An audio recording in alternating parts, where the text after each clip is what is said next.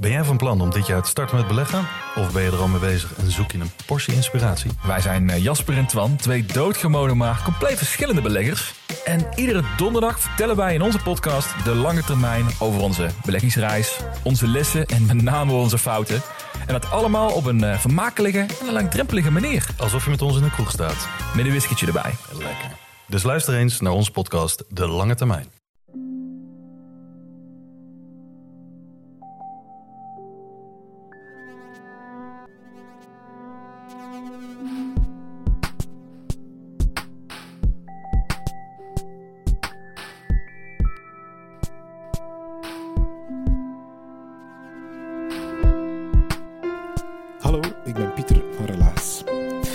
In Relaas hoor je waar gebeurde verhalen en die worden verteld door de mensen die ze zelf hebben meegemaakt. Ik hou van familieverhalen. Er zitten zoveel mooie plot twists in families. Of die verhalen nu goed eindigen of slecht, het is altijd smullen. En ook verhalen met personages die met elkaar verbonden zijn door zo'n bloedband en niet door zo'n toevallige ontmoeting, dat intrigeert mij. We gaan luisteren naar Patrice. En Patrice die komt door zo'n bloedband op plaatsen waar jij en ik heel veel geld zouden betalen om daar te raken.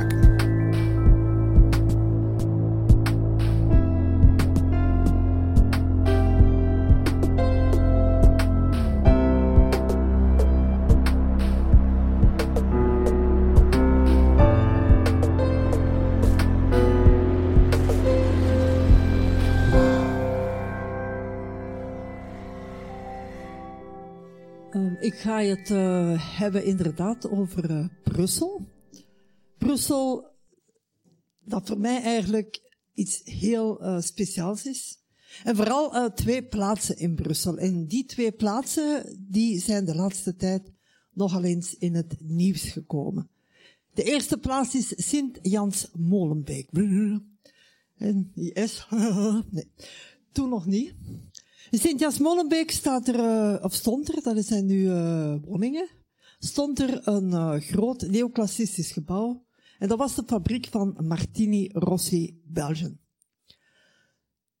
Naast dat gebouw was er een koer en op die koer stond er een herenhuis. En in dat herenhuis woonden mijn grootmoeder en mijn grootvader. Um, en de eerste vijf jaar van mijn leven heb ik daar ook grotendeels gewoond omdat mijn moeder ziek was. Nu, hoe was mijn moeder nu, mijn grootmoeder nu in dat herenhuis geraakt? Zij was als heel jong meisje in dienst gekomen van de familie Vastepane. Een uh, familie die toen um, Martini Rossi um, heeft uh, overgenomen. En ze had zich gaandeweg opgewerkt tot kokkin, omdat zij bezeten was door koken en door eten. En dat was ook echt zo, je zag dat ook aan haar. Als mijn grootmoeder een koe zag, dan zag hij een wandelende busstuk. Die kon eigenlijk niet anders zien dan eten. Um, die familie Vastepane, die beschouwde haar zo'n beetje als familie. Die waren ook heel blij dat ze daar woonden. Uh, en mijn grootvader was een kunstenaar die niet kon leven van zijn kunst en daarom ook wat klusjes deed uh, voor Martini. Dat is dus de ene plaats. De andere plaats is uh, het Noordstation de Noor. Als je nu buiten gaat in het Noordstation, heb je verschillende uitgangen. En een van die uitgangen leidt je langs de Rogierstoren. Voor mij een heel lelijk gebouw, een grijs gebouw, waar je nummerplaten kan afhalen. Maar wat dat vooral voor mij is, dat is de Brusselse Ground Zero. Wat er vroeger op diezelfde plaats stond, dat was een bijou van een toren. Dat was eigenlijk echt het summum van de expostaal. We noemden dat het uh, internationale centrum Rogier. En dat was gebouwd door een zekere cuisinier, waarvan gezegd wordt dat hij de lelijkste gebouwen van Brussel heeft uh, getekend. Die natuurlijk niet, dat was een uitzondering. Het was toen de hoogste toren, 1958, en vanaf is hem ook ingewijd, echt in het jaar van de expo. Was toen de hoogste toren van de Benelux, het eerste winkelcentrum, en daar zat ook het, in, het, nationale, het nationale Belgische theater. Daar waren we nog een eenheid en hadden een Belgisch theater. En helemaal bovenop die toren stond een gigantische neonreclame van Martini. En daaronder was het Martini Center. En de Vastepanis, die dus hun fabriek hadden in Sint-Jans-Molenbeek, die ontvingen, in, dat was eigenlijk een soort penthouse, die ontvingen daar uh, speciale gasten. En dat kon van alles zijn, dat konden sportmensen zijn, of uh, filmsterren, of zangers, of uh, politici, van alle kleur en stand. Um, die werden daar ontvangen op Martini en op Zakouskis. En wat zijn zakouskis? Dat zijn kleine, schone poosjes. En die werden bereid door mijn grootmoeder. Nu, die werden niet daar bereid. Er was wel een soort keuken en een kleine ruimte met, waar, dat, allee, waar dat eten koel kon stellen en een personeelsruimte ook met een wc.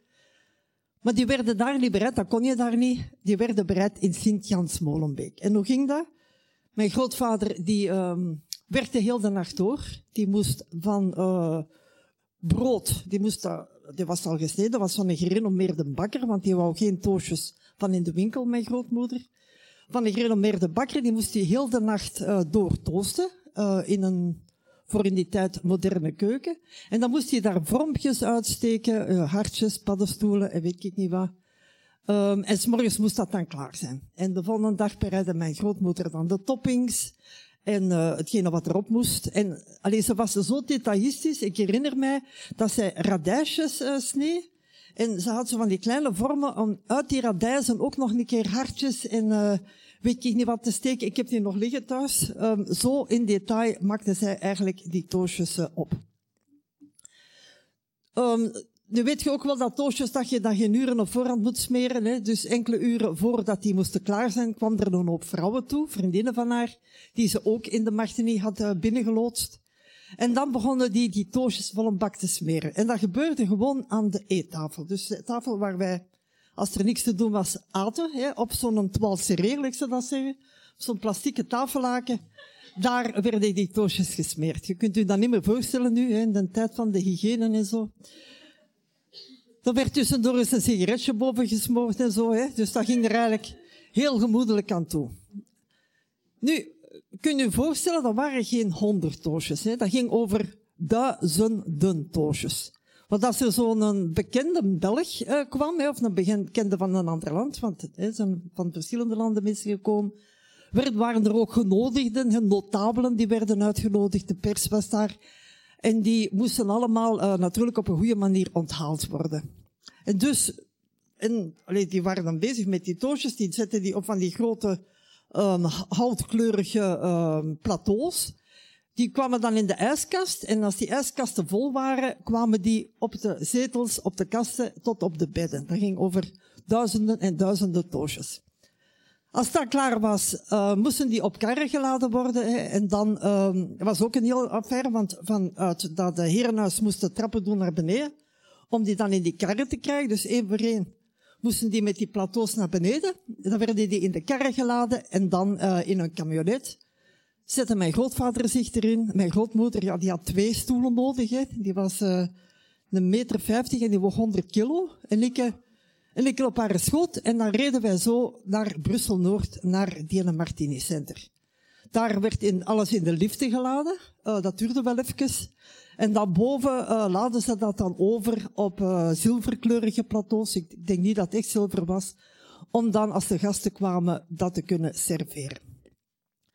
Nu, dat liep altijd eigenlijk heel uh, goed. Hè. Ik, ik, ik was er heel vaak bij, uiteraard. Um, ik hoorde dan ook echt dat die gasten binnenkwamen. Je hoorde dat klikken van die camera's dan ook uh, in de tijd nog. En uh, na verloop van tijd kwam meneer Dino, dat was een van de vaste panes, een van die directeurs van Martini, dan mijn grootmoeder halen. En dan mocht hij de honneurs waarnemen en werd hij geprezen voor haar schitterende kookkunsten. En ik ging dan mee, ik mocht dan mee. En ik moest dan een handje geven en een kusje. En schijnt dat ik van de boeidans moet gekust hebben nog. Ik weet dat gelukkig niet meer. En wat, wat, ik, wat, ik nog, wat ik wel nog weet, dat, zijn, dat is zo'n beeld van een met hele lange tanden, wat ik zo'n beetje schrik van had.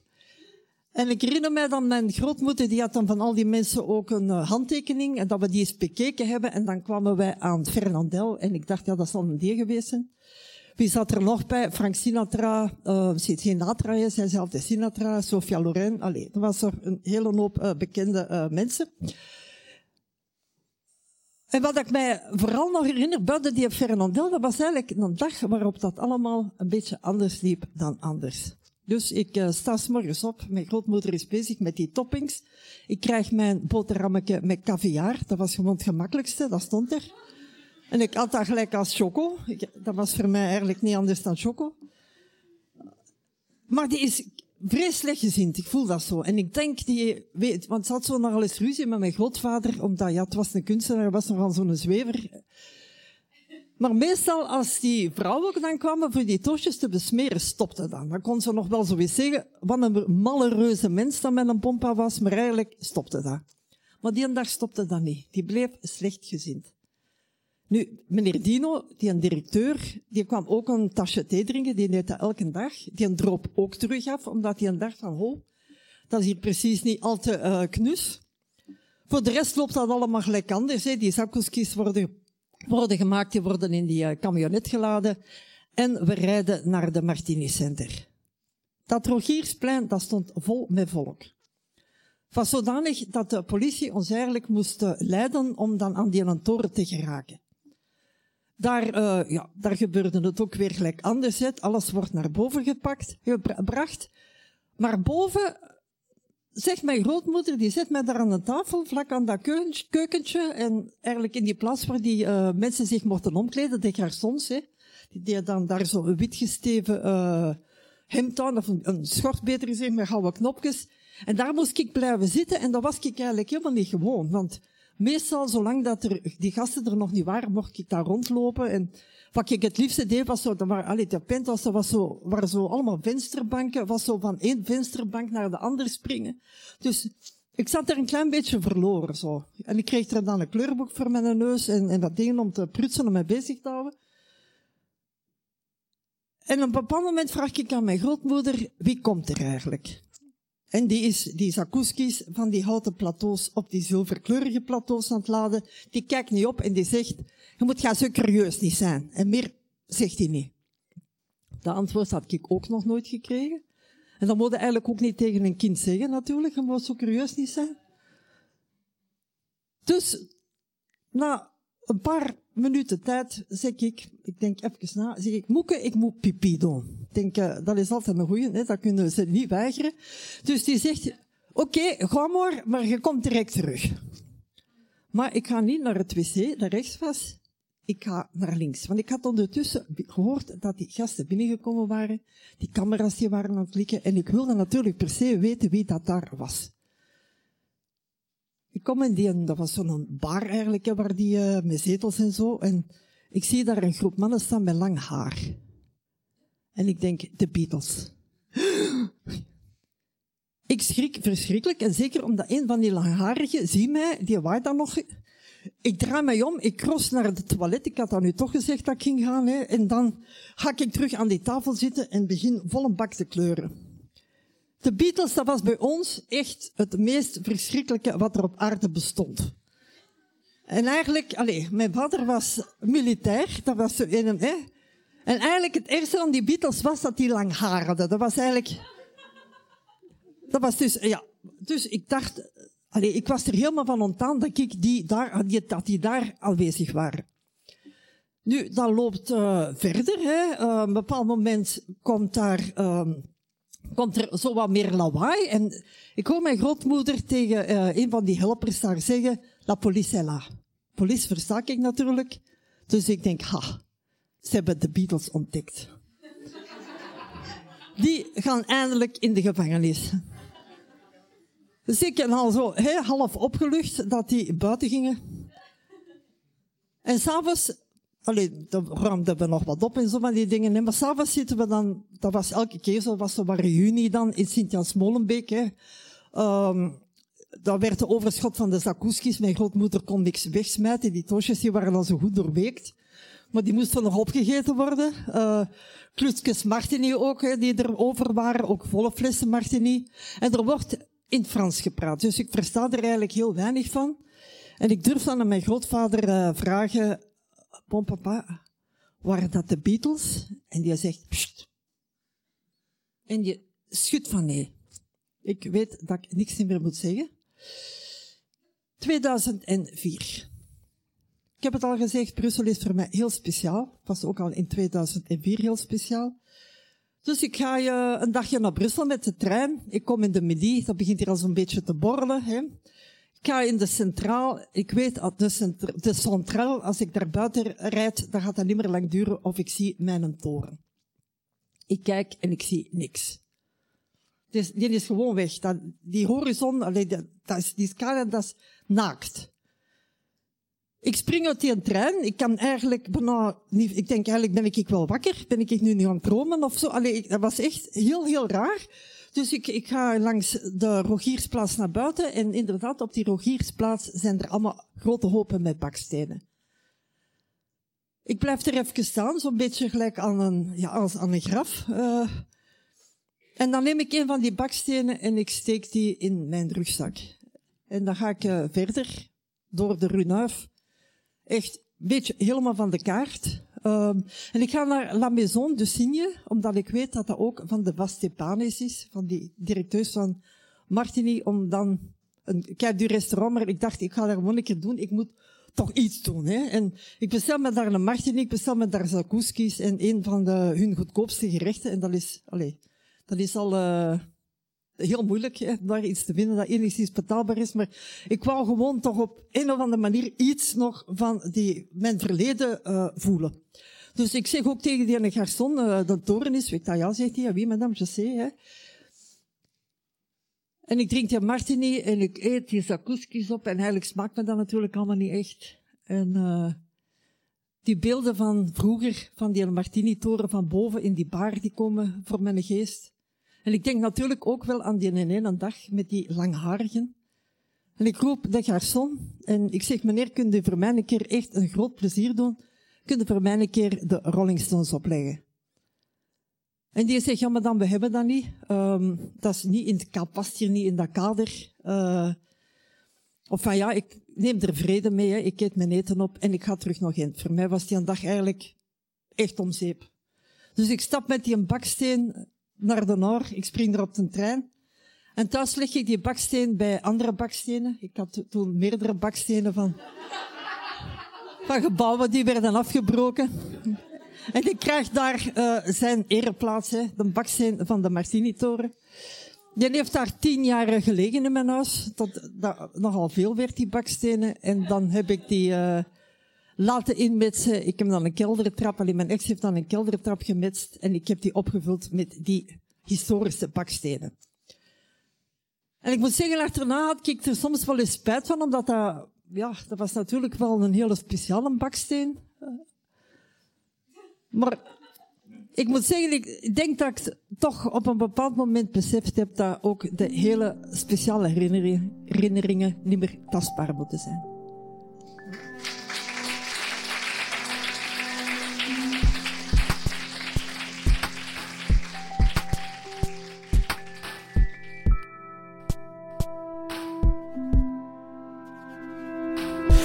Dat was het relaas van Patrice. Ze vertelde het in Husset in Gent, ergens in het najaar van 2019. We hadden stiekem wel gehoopt op zakouski-toosjes voor of na de pauze van die vertelavond, maar helaas, daar was geen geld voor. Wat we wel hebben is een foto van de Martini-toren.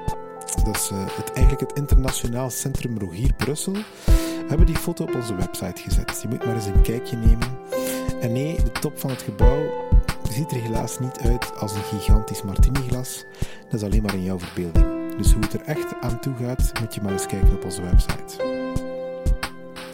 Relaas krijgt de kracht van de verbeelding van de dienst cultuur van de stad Gent en van de Vlaamse gemeenschap.